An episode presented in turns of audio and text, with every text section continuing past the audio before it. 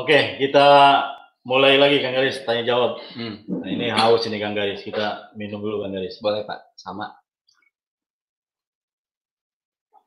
Oke, sahabat Mutiara. Kita akan menjawab eh, pertanyaan-pertanyaan masuk.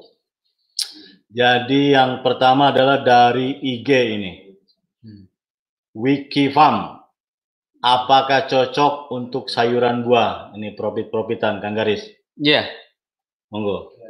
jadi tentu saja sudah uh, kami jelaskan sebelumnya. Jadi uh, profit series ini cocok untuk semua jenis tanaman yang dibudidayakan. Ya selama itu masih dibudidayakan ya.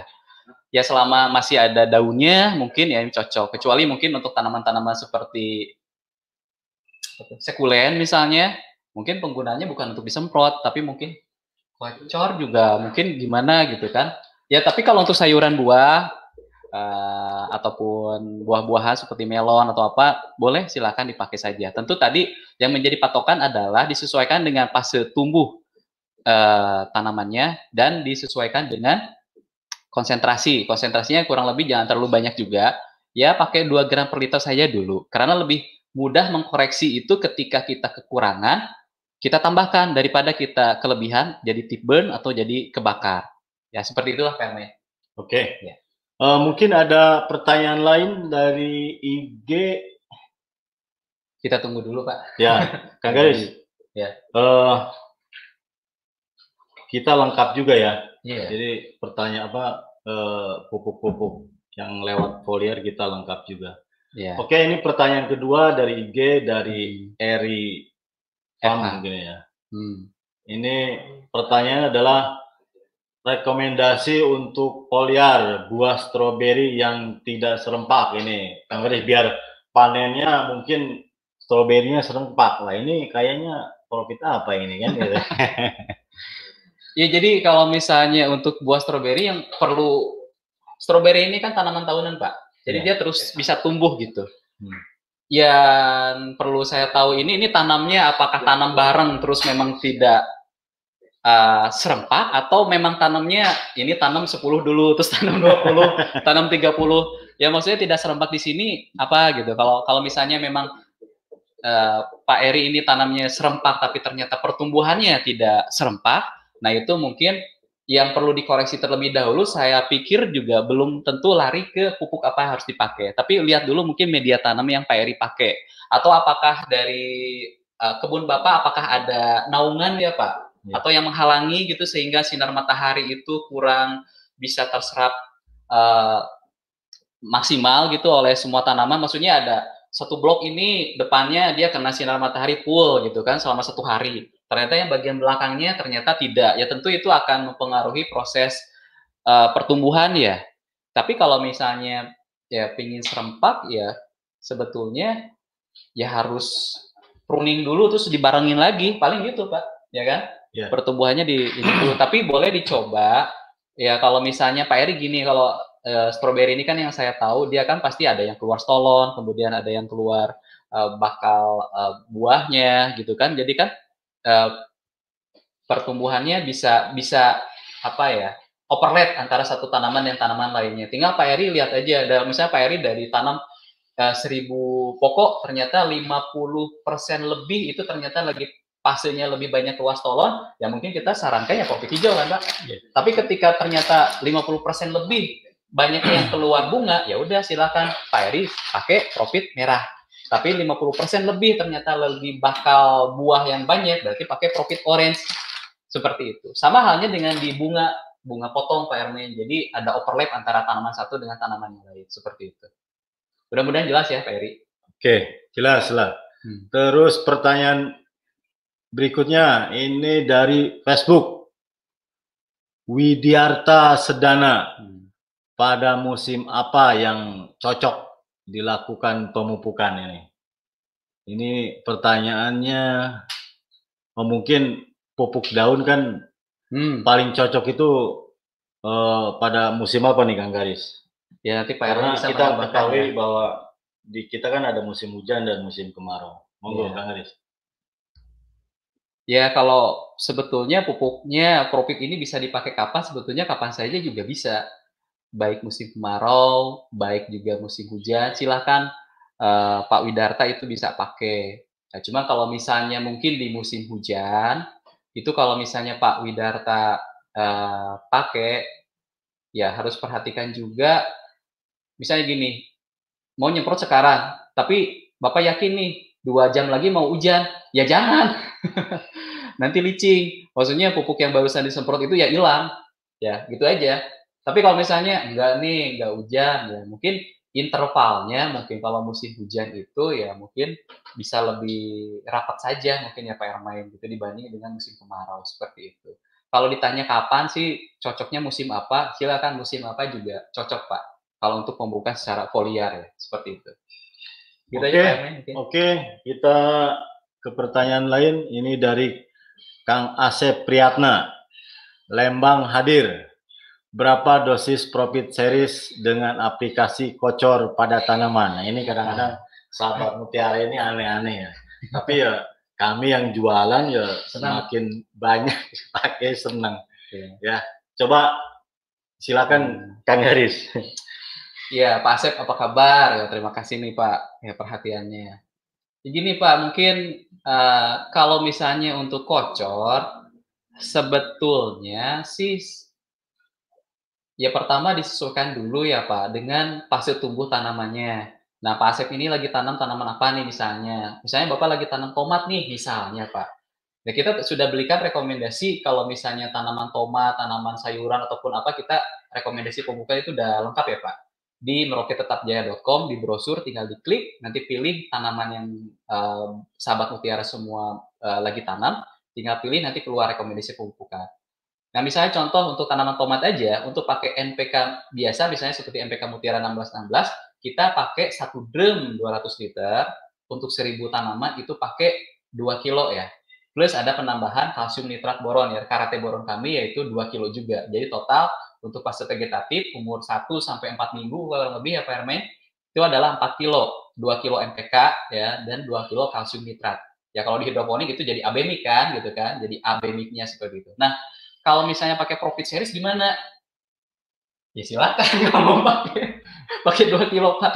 Tapi kalaupun kami sarankan kata saya juga, ya mendingan oke okay lah kita tambahkan MPK yang biasa MPK Mutiara gitu kan. Ya kalau mau ada penambahan profit series mungkin satu dua 200 liter pakai 500 sampai 1 kilo saja lah gitu. Kita kita kita tambahkan. Tentu disesuaikan ya Pak Aset. Maksudnya kalau Pak Aset tanamannya sekarang lagi fasenya uh, bunga nih atau sorry lagi pentil nih si tomat, si cabai atau apanya, ya tentu kita sarankannya pakai profit ini kan Pak, pakai profit orange gitu.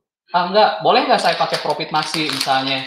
Oh silahkan juga sih sebetulnya asal jangan ketika fase generatif pembesaran dan pematangan uh, sahabat mutiara itu pakai yang hijau karena ini adalah untuk tanaman masih vegetatif. Jadi kalau misalnya masih vegetatif pakai ini, tapi kalau udah generatif ke atas itu pakai yang orange atau yang maxi. Seperti itu Pak Asep. Oke, ya. Kang Asep. Jadi gitu ya, boleh ditambahkan itu untuk melengkapi uh, eh, NPK yang sudah hmm. kita apa rencanakan. Oke, ya kisarannya ya setengah sampai satu kilo saja per drum. Ya. Oke, pertanyaan lain dari Kang Hendra Susanto. Pertanyaannya adalah, Pak mau nanya cara aplikasi pupuk daun ini di pagi hari apa di sore hari?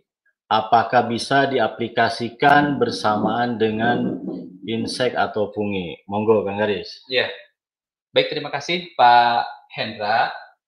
Jadi kalau Pak Hendra bertanya, baiknya itu diaplikasikan pagi atau sore, sebetulnya dua-duanya baik.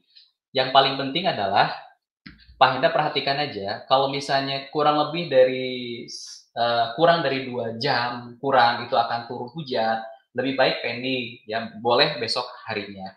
Pagi hari pun kalau terlalu pagi itu biasanya embun-embun masih banyak ya Pak Hermen di di permukaan daun itu nanti akan mengurangi konsentrasi dari pupuk itu sendiri. Jadi kayak Pak Hendra misalnya tadinya nambah apa mau bikin kopi satu saset untuk satu gelas, eh ini tiba-tiba jadi satu setengah gelas. Kan rasa kopinya jadi hambar tuh, jadi kurang. Jadi kalaupun pagi boleh ya kurang lebih dari mulai-mulai jam 7 sampai jam 10 itu boleh silahkan. Ya kalau sore mungkin sudah sekitar ya jam 3, jam setengah 4 itu silahkan boleh. Hindari aja pemupukan siang hari selain karena panas gitu kan. Takutnya yang nyemprot pingsan, Pak. Apalagi belum makan gitu kan. Ya. Kepanasan gitu kan. Dan perhatikan juga angin ya Pak Ermain. Maksudnya lagi arah angin ya? arah anginnya, maksudnya terus apakah lagi anginnya lagi kencang gak nih gitu kan minggu-minggu ini gitu kan karena beberapa wilayah di kita kan uh, angin juga sangat okay. besar ya kan jangan sampai nanti kita melakukan foliar aplikasi aplikasi foliar itu dia angin terlalu besar itu kabur ya apalagi kalau melawan ala angin eh bukannya tanaman yang dipupuk malah kitanya yang dipupuk kan itu hati-hati Terus pertanyaan berikutnya dari Pak Hendra adalah apakah boleh dicampurkan dengan uh, fungisida, eh, pestisida ya, baik yeah. itu fungi atau insek? Okay. Yeah. Silakan, cuman lebih aman lagi kita lakukan jar test dulu ya Pak. Yeah. jar test dulu itu maksudnya kalau profit series kan di per liter ini pakai 2 gram misalnya 2 gram per liter. Atau kalau misalnya di fungisida atau insektisida di situ ada konsentrasi ataupun uh, pakai berapa gram per liter, berapa mili per liter, silakan nanti campurkan di dalam satu liter itu dicampur diaduk ternyata tidak ada endapan ya tidak ada uh, ini ya ikatan atau perubahan wari warna suhu ataupun apa silahkan berarti aman. Tapi ketika ada perubahan suhu ada perubahan uh, ada endapan atau apa jadi butak atau apa itu hentikan. Karena itu efeknya bukan sinergis tapi malah saling jadi antagonis. Nah, biasanya yang terjadi pupuk-pupuk yang mengandung kalsium ya kan, itu hindari aja dengan golongan uh, bahan aktif dari uh, pestisida itu yang ada organofosfat atau sulfur. Tapi kalau dalam konsentrasi yang rendah sih saya yakin dan habis di hari itu juga itu masih aman ya PL-nya. Oke. Okay. Okay. Ya Kang Hendra, jadi begitu. Ya boleh, tapi kita ya harus tes dulu apakah ada perubahan warna atau suhu dan lain-lain. Hmm. Oke, okay, pertanyaan yang berikutnya dari Natalia Wening. Pertanyaannya, apa yang menghalangi penyerapan unsur hara pada tanaman padi? Iya. Yeah. Mangga, Kang Garis. Sebetulnya kalau padi Pak Ermain ini lebih lebih jago, Pak. Nah, ini kalau profit share ini Kang Garis kan ini. ini paknya udah Kang Garis ya. ya.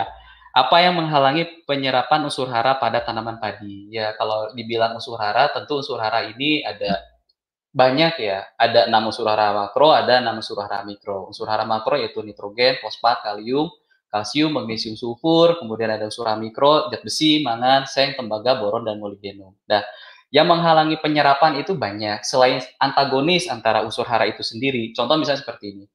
Kalsium itu ketika ibu sudah berikan, dia bisa dihambat ketersediaan penyerapannya karena misalnya ibu kasih amonium terlalu tinggi misalnya atau kalium gitu yang tadinya ibu mau pakai ketika mulai uh, apa tuh pak keluar malai. malai misalnya ya penyerapannya kurang maksimal bisa terganggu karena ibu juga kasihkan nitrogen dalam bentuk amonium atau kalsium atau magnesium terlalu banyak. Jadi ada sifat antagonis antar pupuk dan ada sifat sinergis antar pupuk.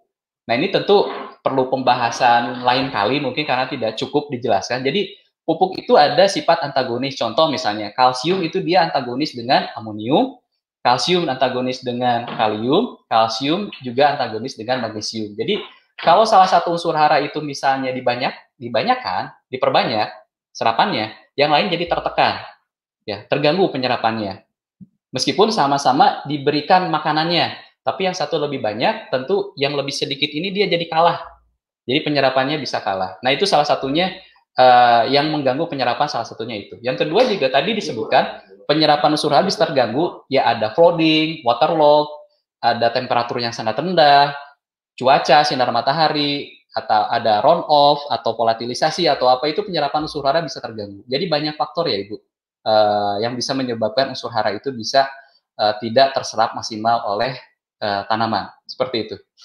Oke, uh, Ibu Natalia, kalau pengen jelas nih, Ibu diskusi panjang hmm. lebar itu kita ada uh, grup di Telegram hmm. yaitu komunitas NPK hmm. Mutiara dengan uh, hidroponik Mutiara. Silakan nanti bisa gabung dua-duanya. Oke. Okay. Okay. Uh, eh, kita hmm. Kita nanti untuk uh, sahabat Mutiara yang lagi ya. nontonnya menyaksikan melalui Instagram, Kayak Instagram ini kan hanya dibatasi hanya satu jam satu saja. Jam, ya. Jadi kalau misalnya bisa switch ke MPK Mutiara TV ya di uh, channel YouTube kami, seperti itu. Dan bisa juga di uh, Facebook, Facebook ya di Merauke Tetap Jaya. Oke, kita ke pertanyaan berikutnya itu Antonius Sukono. Pertanyaannya nih, Kang Garis. Hmm. Untuk menetralkan tanah pakai apa? Nah, ini mungkin mungkin pH ini. Mungkin masih ya, salah satunya ya. pH mungkin garis, monggo. Untuk menetralkan tanah, Pak Antonius, tentu kita harus tahu dulu posisi pH tanah Pak Antonius ini apakah dalam posisi uh, masam atau dalam basah. Kalau misalnya di masam, misalnya di bawah 5, tentu penggunaan yang tepat untuk menetralkan itu adalah memakai kapur kaptan pertanian atau dolomit ya Pak. Ya, ya kaptan atau dolomit. Nah, yang sering kali yang jadi uh, apa informasi yang kurang lengkap di sini ya oke okay, saya pakai kaptan oke okay, saya pakai dolomit tapi berapa banyak saya harus pakai itu sebetulnya yang menjadi acuan kami sarankan misalnya ya pakai pak 2 kilo per meter persegi. Betul nggak pak? Yeah. 2 kilo per meter persegi. Ya tapi yang yang sebetulnya adalah Pak Antonius itu bisa uh, apa ya jar tes tanah jadi Pak Antonius misalnya ambil sampel tanah di kebun Pak Antonius itu sendiri, terus dari sampel tanah itu Pak Antonius misalnya, sorry, misalnya Pak Antonius simpan di dalam botol apalah gitu kan, air mineral atau apa ya. kan. Misalnya Pak Antonius isi misalnya tanah sampai sini nih. Ya tentu samplingnya harus kolektif, maksudnya jangan dari satu titik aja ya. Terus isi air sampai jenuh, ya jenuh lebihin lah berapa. Terus Pak Antonius kocok, Terus simpan satu kali 24 jam kan Pak. Yeah. Terus nanti simpan satu kali 24 jam dia akan terjadi segregasi atau pemisahan. Ya biasanya yang paling bawah itu adalah pasir, kemudian disusul oleh fraksi debu dan disusul terakhir adalah fraksi liat. Nah ini namanya segitiga tekstur tanah. Kalau Pantonius bingung nanti bisa Google aja. Tanah Bapak ini masuk kategori mana nih gitu, pasir, debu atau liat mana gitu kan. Nah, ketika Pak Antonius tahu dari segitiga tekstur tanah itu bisa mendiagnosa, oh ternyata tanah saya tanah lempung berpasir misalnya. Nah, itu sebetulnya dosis kapur pertaniannya itu beda dengan misalnya, oh ternyata tanah saya berpasir itu beda Pak. Jadi nggak bisa disamaratakan sebetulnya. Ya meskipun kita bisa ambil secara generalisir pakai 2 kilo per meter persegi atau 2 ton per hektar. Per hektar lah kurang lebih seperti itu Pak. Ya, kalau misalnya tadi posisinya tanah Bapak masam, tapi kalau tanah Bapak basah, gampang. Pakai pupuk kandang aja yang nggak matang. nah, ini yang terjadi malah di lapangan seperti itu. Ya. Jadi banyak petani itu pakai pupuk kandang, ya uh, mungkin karena informasi ya, mohon, mohon maaf sekali lagi, bukan berarti uh, apa terbelakang atau bukan, tapi karena ya diburu waktu juga atau ya. apa. Kalau bisa pupuk kandang yang dipakai itu adalah yang matang. Karena pupuk kandang yang tidak matang itu malah memperparah tingkat kemasaman yang ada di dalam tanah. Karena tingkat amoniumnya nanti jadi tinggi seperti itu. Oke, mungkin lanjut Pak. Oke, jadi jelas ya. E, pertanyaan apa jawabannya. Terus pertanyaan berikutnya ini dari Facebook juga e, Jani Balot ya. E, pertanyaan adalah salam mutiara Pak. Mau tanya uh, waktu aplikasi Profit Maxi dari umur berapa, Pak? Saya dari Kalsel, Brabai. Desa Pak Kias. Desa Kias. Dari Desa Kias. Oh, dari Desa Kias. Iya. Silakan, Kang Garis. Ini ya. jauh nih Kalimantan Selatan nih. Iya, terima kasih banyak nih Pak. Hmm. Ya Pak Jani ya. ya. Jadi kalau misalnya Pak Jani bertanya, kalau saya mau pakai Profit Maxi, ya kan? Dari umur berapa? Ya, yang paling penting patokannya Pak Jani pertama saya tanya dulu kan tanam apa nih gitu. Yeah. Saya pikir ini tanamannya mungkin sekitar tanam buah-buahan atau apa. Kalau dia bentuk buahnya ukuran buah sudah maksimal, mulai pakai ini. Misalnya Pak Jani tadi tanam jeruk nih, ya udah tahu kan, misalnya jeruk cokun atau apa, ukuran jeruknya segede gini. Gak mungkin tiba-tiba dipupuk jadi jeruk Bali, enggak kan? Jeruk ini ukuran segini kan, tapi ini hijau nih, saya mau jadi cepat panen kan menguning kan kalau misalnya tomat gedenya segini ya kan hijau nih kalau masih muda nah kalau kalau misalnya ingin uh, cepat panen berarti kan dia memerah tuh ya. ya Nah, pengen cepat serempaknya, pengen cepat panen, pakai profit masih di situ. Jadi ketika pematangan buah mau panen, mendekati panen. Jadi ketika mau panen pakai profit masih. Jadi sebelumnya, tapi catatan jangan nanti enggak saya pakai profit masih aja kok hasilnya sama aja. Nah, ditanya, Bapak pakai profit hijau enggak? Bapak pakai profit merah enggak? Bapak pakai profit orange enggak? Atau Bapak pupuk enggak? Enggak, seperti ini enggak juga. Karena pemupukan melalui daun ini hanya sebagai uh, apa meningkatkan ya kualitas dan hanya menambahkan. Jadi bukan untuk menggantikan pemupukan melalui tanah. Oke, Pak Jeni ya. Kalau pengen jelas, silakan gabung dengan grup di Telegram kami yaitu komunitas MPK Mutiara dengan kalau yang senang hidroponik silakan gabung ke hidroponik Mutiara. Oke, mungkin ada pertanyaan lain setelah oh, ini dari Facebook juga Dian Cibager.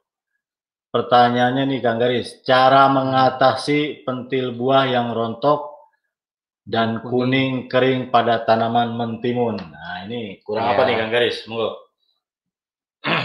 Ya, pasti kurang berdoa juga. Enggak, itu bercanda aja ya, Bu. Ibu ya. Ya. Jadi kalau pentil buah yang rontok dan kuning kering ini, pertama kalau saya biasanya datang ditanya seperti itu, saya tanya dulu uh, pemupukan sejarah pemupukan yang ibu berikan. Jadi saya tidak bisa menjudge langsung ibu kurang ini nih unsur hara ini tidak. Karena siapa tahu ibu berikan kan, siapa ya. tahu pupuk itu ibu berikan, tapi mungkin dia ada sifat antagonis atau ada yang menghambat penyerapannya. Tapi oke okay lah kita skip misalnya ibu uh, tidak memang tidak memberikan Ya, kalau biasanya pentil rontok itu biasanya ya buah rontok atau apa biasanya kalsium, boron itu kurang. Yeah. Ya, kalsium dan boronnya kurang. Nah, oleh karena itu kami punya kalau misalnya untuk tanaman mentimun itu bisa untuk ditabur atau dikocor bersama NPK Mutiara ataupun bersama NPK Mutiara Grower itu ada produk kami namanya Karate Plus Boroni ya. Karate Plus Boroni. Di situ kandungannya kalsium, nitrat dan boron dan kalsiumnya ini bisa larut air, Pak, dan diserap oleh tanaman. Karena kalsium-kalsium yang tidak larut air, uh, kami anggap sebagai pembenah tanah saja, bukan sebagai sumber kalsium. Ya, tapi kalau karate plus boroni ini, kalsiumnya sudah larut air dan bisa diserap oleh tanaman. Pakainya, kalau misalnya untuk kocor, itu bisa uh, satu drum 200 liter kalau dikocor, ya kan? Itu pakai 2 kilo ya rutin diberikan bersama NPK kurang lebih karena ini daun-daun trompet ya daun lebar juga. Biasanya kita lima hari sekali kalau untuk mentimun ya. Yeah. lima hari sekali. Karena kalau lewat dari situ nanti penyerapannya kurang maksimal juga. Seperti itu ibu. Oke eh, jelas ya bu ya. Terus pertanyaan berikutnya dari Facebook juga ini Mujib Ar-Rahman Uh, pertanyaannya nih Kang Garis, salam sahabat Mutiara. Mau tanya waktu aplikasi Profit Maxi yang tepatnya pada usia berapa setelah tanam untuk tanaman cabai? Uh, makasih, salam dari petani Banua Jinga Barabai Kalsel. Ini oh. dari Kalsel juga nih Barabai. Kalsel juga ya. Ya, saya ya. pernah sana, sungguh Gus, jauh Kang Garis. Jauh Pak. Ya, jauh. Berapa jam?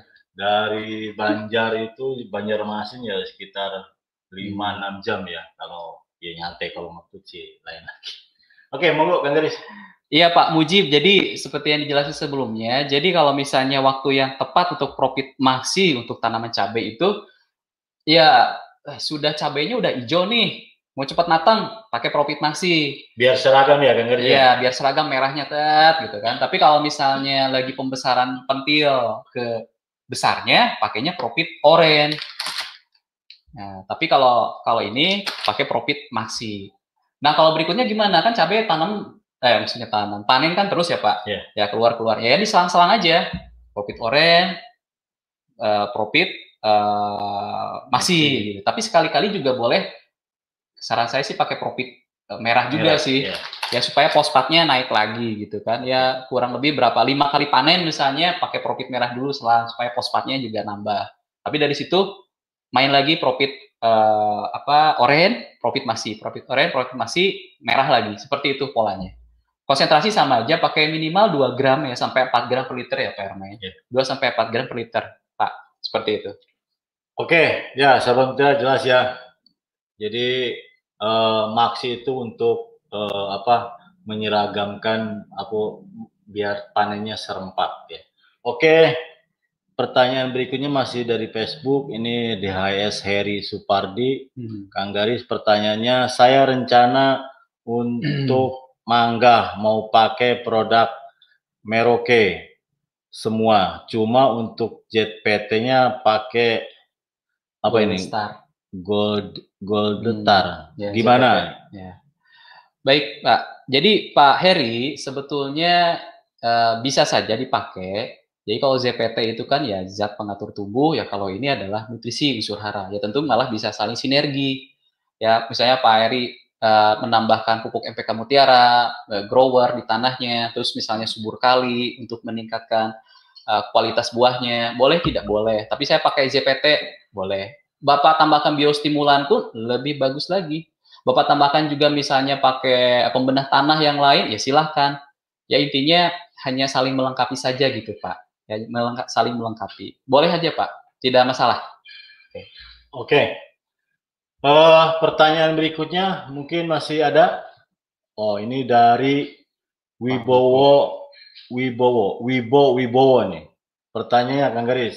Mau tanya Pak, ini pertanyaan kawan-kawan nih. Ini pertanyaan kolektif nih kan. Yeah. Kayaknya lagi kumpul bareng ini mereka. Kalau penyemprotan pupuk daun sore hari sampai malam efektif enggak? Rata-rata kawan menyemprotnya sampai malam. Eh, mohon penjelasan eh, dari Pak Edi. Dari Pak Edi Banjarbaru. Hmm. Ini petani sahabat mutiara ya. Iya. Mangga Kang Garis. Iya, Pak Wibo ya. Jadi kalau pengalaman saya sih selama ini saya kalaupun saya saya pernah aplikasi sendiri gitu. Tapi kalau nggak pagi, saya seringnya pagi sih Pak gitu. Enak gitu. Kalau malam takutnya gelap Pak. Dan mungkin uh, saya pikir tapi saya juga tidak berhak menghakimi kan. Maksudnya siapa tahu dengan sugesti itu malah bagus ya silakan gitu karena kalau memang tapi ya kita sarankan sih idealnya itu adalah sore hari saja atau pagi hari. Ya ketika stomata juga ada. Lagi pula ketika malam hari biasanya proses respirasi itu lebih dominan dibanding proses fotosintesis. Jadi perombakan makanan yang siang hari itu dilakukan malam. Ya jadi saran kami sih lebih baik ya sore aja atau misalnya uh, apa tuh pagi hari lah Pak Wibo ya. Kalau misalnya malam itu khawatirnya uh, apa ya faktor-faktor lain keamanan juga ya. keamanan ya. apa karena tapi, namanya di kebun ya karena tidak tidak jarang pak saya sendiri di lapangan itu banyak kasus orang ada meninggal mendadak di kebun ya khawatirnya karena ada apa overdose nggak hanya pupuk kan yang pasti kan kadang juga ada bukan pestisida juga salah siapa tahu kan lagi kurang belum makan atau apa ternyata tiba-tiba apa kalau gelap kan orang siang hari aja sulit melihatnya apalagi kalau malam. Lebih baik kami sarankan eh, pagi atau sore hari aja Pak. Gitu. Oke, begitu uh, Mas Edi. Mungkin ada pertanyaan lain. Ini masih dari Facebook. Nahda Ar-Rahman. Pertanyaannya gini Kang Riz, saya pakai pada tanaman tomat. Kalau pakainya di usia berapa ya? Ini profit hmm. yang mana ini? Ya, mungkin ya sesuai dengan hmm. fase pertumbuhannya, Kang Gris. Iya, jadi Ibu uh, Pak Nahda, jadi uh, kalau misalnya pakainya di usia berapa sih disarankan saja uh, disesuaikan dengan fase tumbuhnya. Jadi tanaman ketika pindah tanam ya jangan diapa-apain dulu sih. Dia kan pasti adaptasi dulu ya Pak Ermen ya. Yeah. Tunggu berapa hari dan biasanya panahda ini kalau ada aplikasi pestisida biasanya berapa hari? Boleh kok dicampur gitu. Sama tadi ya jarpes atau apa tidak ada masalah ya boleh. Jadi kurang lebih biasanya petani memulai itu usia 7 hari, 10 hari ada gitu kan mulai penggunaan uh, pestisida atau apa. Nah, ini juga boleh ikut. Misalnya umur seminggu boleh tuh sampai umur 4 minggu panahda itu pakai profit merah nih. Kalau tanamnya misalnya tadi apa tanaman apa? Tomat. Tomat ya cabai. boleh. Tomat atau cabai boleh tapi sudah umur uh, mingguan atau sampai tujuh minggu boleh nih profitnya ganti pakai yang merah. Tapi ketika udah menjelang uh, bunga ataupun misalnya sudah ada pentil nih satu dua tanaman udah ada pentil, ya pakainya profit orange. profit orange ya intervalnya berapa ya tadi ngikut aja ke ya kami juga tidak mengharapkan panahda ini meng, apa ya merubah semua tatanan apa ya tatanan uh, pertanian atau kebiasaan bapak biasanya panahda ini nyemprot pestisida berapa nih? Saya yakin kok pasti ini sebulan minimal dua kali kan pak? Yeah. ya ikut aja ikut ikut itu. Yang penting disesuaikan. Kalau misalnya lagi pentil pembesaran profit orange. Tapi ketika sudah matang mau mau pematangan pakainya profit maksi seperti itu. Konsentrasi sama 2 gram per liter. 2 gram per liter. Jadi kalau tangki semprotnya tadi yang panahda misalnya eh, bukan 20 saya 15 berarti 15 kali 2 gram alias 30 gram ya 30 gram uh, satu tangki knapsacknya gitu. Seperti itu Pak. Oke, uh, terima kasih Kang Garis. Ini hmm. ada pertanyaan lagi dari uh, Facebook hmm. Dian Cibager. Hmm. Kalau pada tanaman mentimun pada usia 14 HST, saya harus pakai yang mana? Mangga Kang hmm. Garis. Tanaman mentimun 14 HST. Di sini mungkin udah ada yang keluar bunga, kalau saran saya kalau mungkin udah bungaan sih Pak, yang ini aja, merah. Yang merah ya. Ya.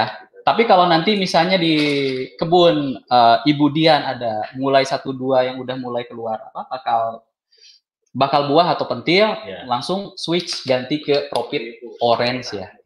Profit orange yang ini, yang komposisinya 8939 dan TE ini. Seperti itu. Tapi nanti sudah uh, mau pematangan ya pakainya profit maxi seperti itu aja Ibu Dian. Oke, okay. uh, mudah-mudahan uh, puas. Kalau nggak puas, uh, Ibu Dian silakan gabung dengan uh, grup kita di Telegram ya. Ada komunitas NPK Mutiara dan yang senang berhidroponik silakan ada grup hidroponik Mutiara. Hmm. Ini dari Facebook juga uh, Pak Bayen ini. Pertanyaannya, Pak, kalau pengaplikasian pupuk profit dicampur dengan perekat, apakah berpengaruh atau tidak? Ini kalau memang kebiasaan petani kadang-kadang hmm. sekalian dengan fungisida gitu ya, ya. Kang Garis. Ya. Suka ada pakai perekat. Ya. Silakan. Kang Garis. Efektif apa enggak?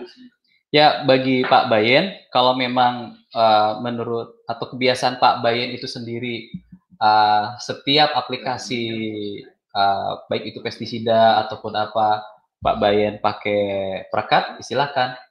Ya malah efeknya lebih bagus kan berarti. Jadi daya rekat pupuknya lebih lama seperti itu. Tidak masalah sih Pak. Ada pengguna perekat, penembus atau apa, makanya perekat suka ada yang penembus sekarang, ya boleh iya. silakan dipakai gitu. Silakan dipakai saja Pak. Tidak masalah, malah jadi lebih bagus, lebih baik gitu. Ya, biasanya kan pakai perkat juga di musim-musim tertentu, Pak. Musim ya, hujan, seperti ya, apa kan gitu. Banyak hujannya. Ya. Oke, begitu Pak Bayen. Mungkin ada pertanyaan lain? Oke, ini masih dari Facebook dari Kanti Asih. Kemasan profit di pasaran kok beda dengan gambar yang ini katanya. Oh. Kang Geris. Ya mungkin di di web itu gambarnya seperti apa terus ya. aslinya di pasaran mungkin mungkin ini stok lama pak. Oh stok lama ya? Iya mungkin ya. karena uh, saya juga ya, gabung di Merauke ya, ya. berapa tahun lalu. Memang kemasan profit ini kan kita sudah new visual branding pak. Betul betul, visual branding kita di 2017 kan? Oke. Okay. kita ganti semua. Iya itu uh, itu kemasan lama ibu. Tapi yang paling penting adalah mungkin uh, ada logo burung logo ya, burung saja. Ya boleh, itu sama aja. Hmm. Oke, okay, ini uh, waktu juga yang memisahkan kita ya, hmm. sahabat Mutiara.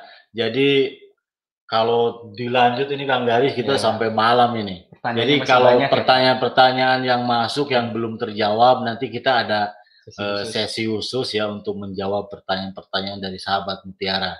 Jadi terima kasih pada sahabat Mutiara yang yang sudah nonton ya. Hmm. Ini nanti uh, kita pokoknya pertanyaan itu pasti dijawab lah ya, pasti dijawab nanti uh, di bisa dilihat di YouTube kami nanti ya. Memang kita akan kumpulkan semua pertanyaan-pertanyaan nanti ada kita ada ya, semacam video podcast untuk khusus men, apa, menjawab pertanyaan-pertanyaan yang masuk selama temu tani online. Oke, sahabat Mutiara, uh, boleh saya simpulkan sedikit ya, Kang Garis? Boleh, banyak juga. Jadi memang sahabat Mutiara itu kadang-kadang bingung. uh, pupuk daun ya, pupuk daun kok ini untuk untuk buah bisa nggak? Oke, sahabat Mutiara, pupuk daun adalah pupuk yang diaplikasikan lewat daun. Nanti uh, pada fase apa kita sesuaikan formulanya ya ada N tinggi, P tinggi, K tinggi ya jadi pupuk daun adalah pupuk yang diaplikasikannya lewat daun. Bukan berarti untuk daun semua ya. Kita uh, lihat uh, formulanya. Oke kenapa kita harus nambah pupuk lewat daun? Tadi Kang Garis uh, sampaikan karena mungkin tanah KTK-nya atau daya serap terhadap haranya agak terganggu. Mungkin karena pH-nya atau tanahnya miring yang mudah erosi ya. Terus atau tanahnya berpasir nih tinggi karena makanya licingnya atau tercucinya cepat. Maka kita bisa dibantu dengan uh, uh, pupuk melalui lewat daun. Dan profit ini adalah pupuk majemuk lengkap. Jadi bukan hanya NPK saja kandungannya.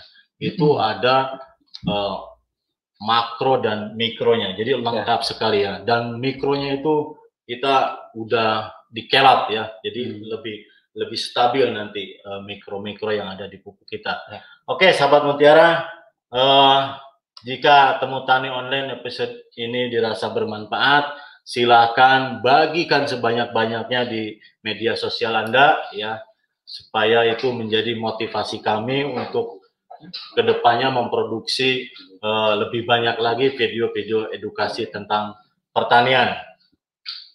Nah, ikuti terus kami di media sosial ya. Silahkan follow Meroket Tetap Jaya di Instagram, terus like uh, Facebook Meroket Tetap Jaya, terus uh, bagi anda yang nonton di YouTube nih, silakan jangan lupa ya like video ini dan subscribe. Juga pentung tanda loncengnya yaitu di channel NPK Mutiara TV dan uh, sahabat Mutiara supaya tidak ketinggalan eh, video-video edukasi kami lainnya. Stay healthy, jaga jarak, pakai masker, cuci tangan, pakai sabun. Sampai di sini, terima kasih Kang Garis. Oh, sama-sama. Sudah satu jam ini ya. ya. Terima kasih. Kita jumpa Sama-sama. di episode berikutnya. Wassalamualaikum warahmatullahi wabarakatuh. Salam Mutiara.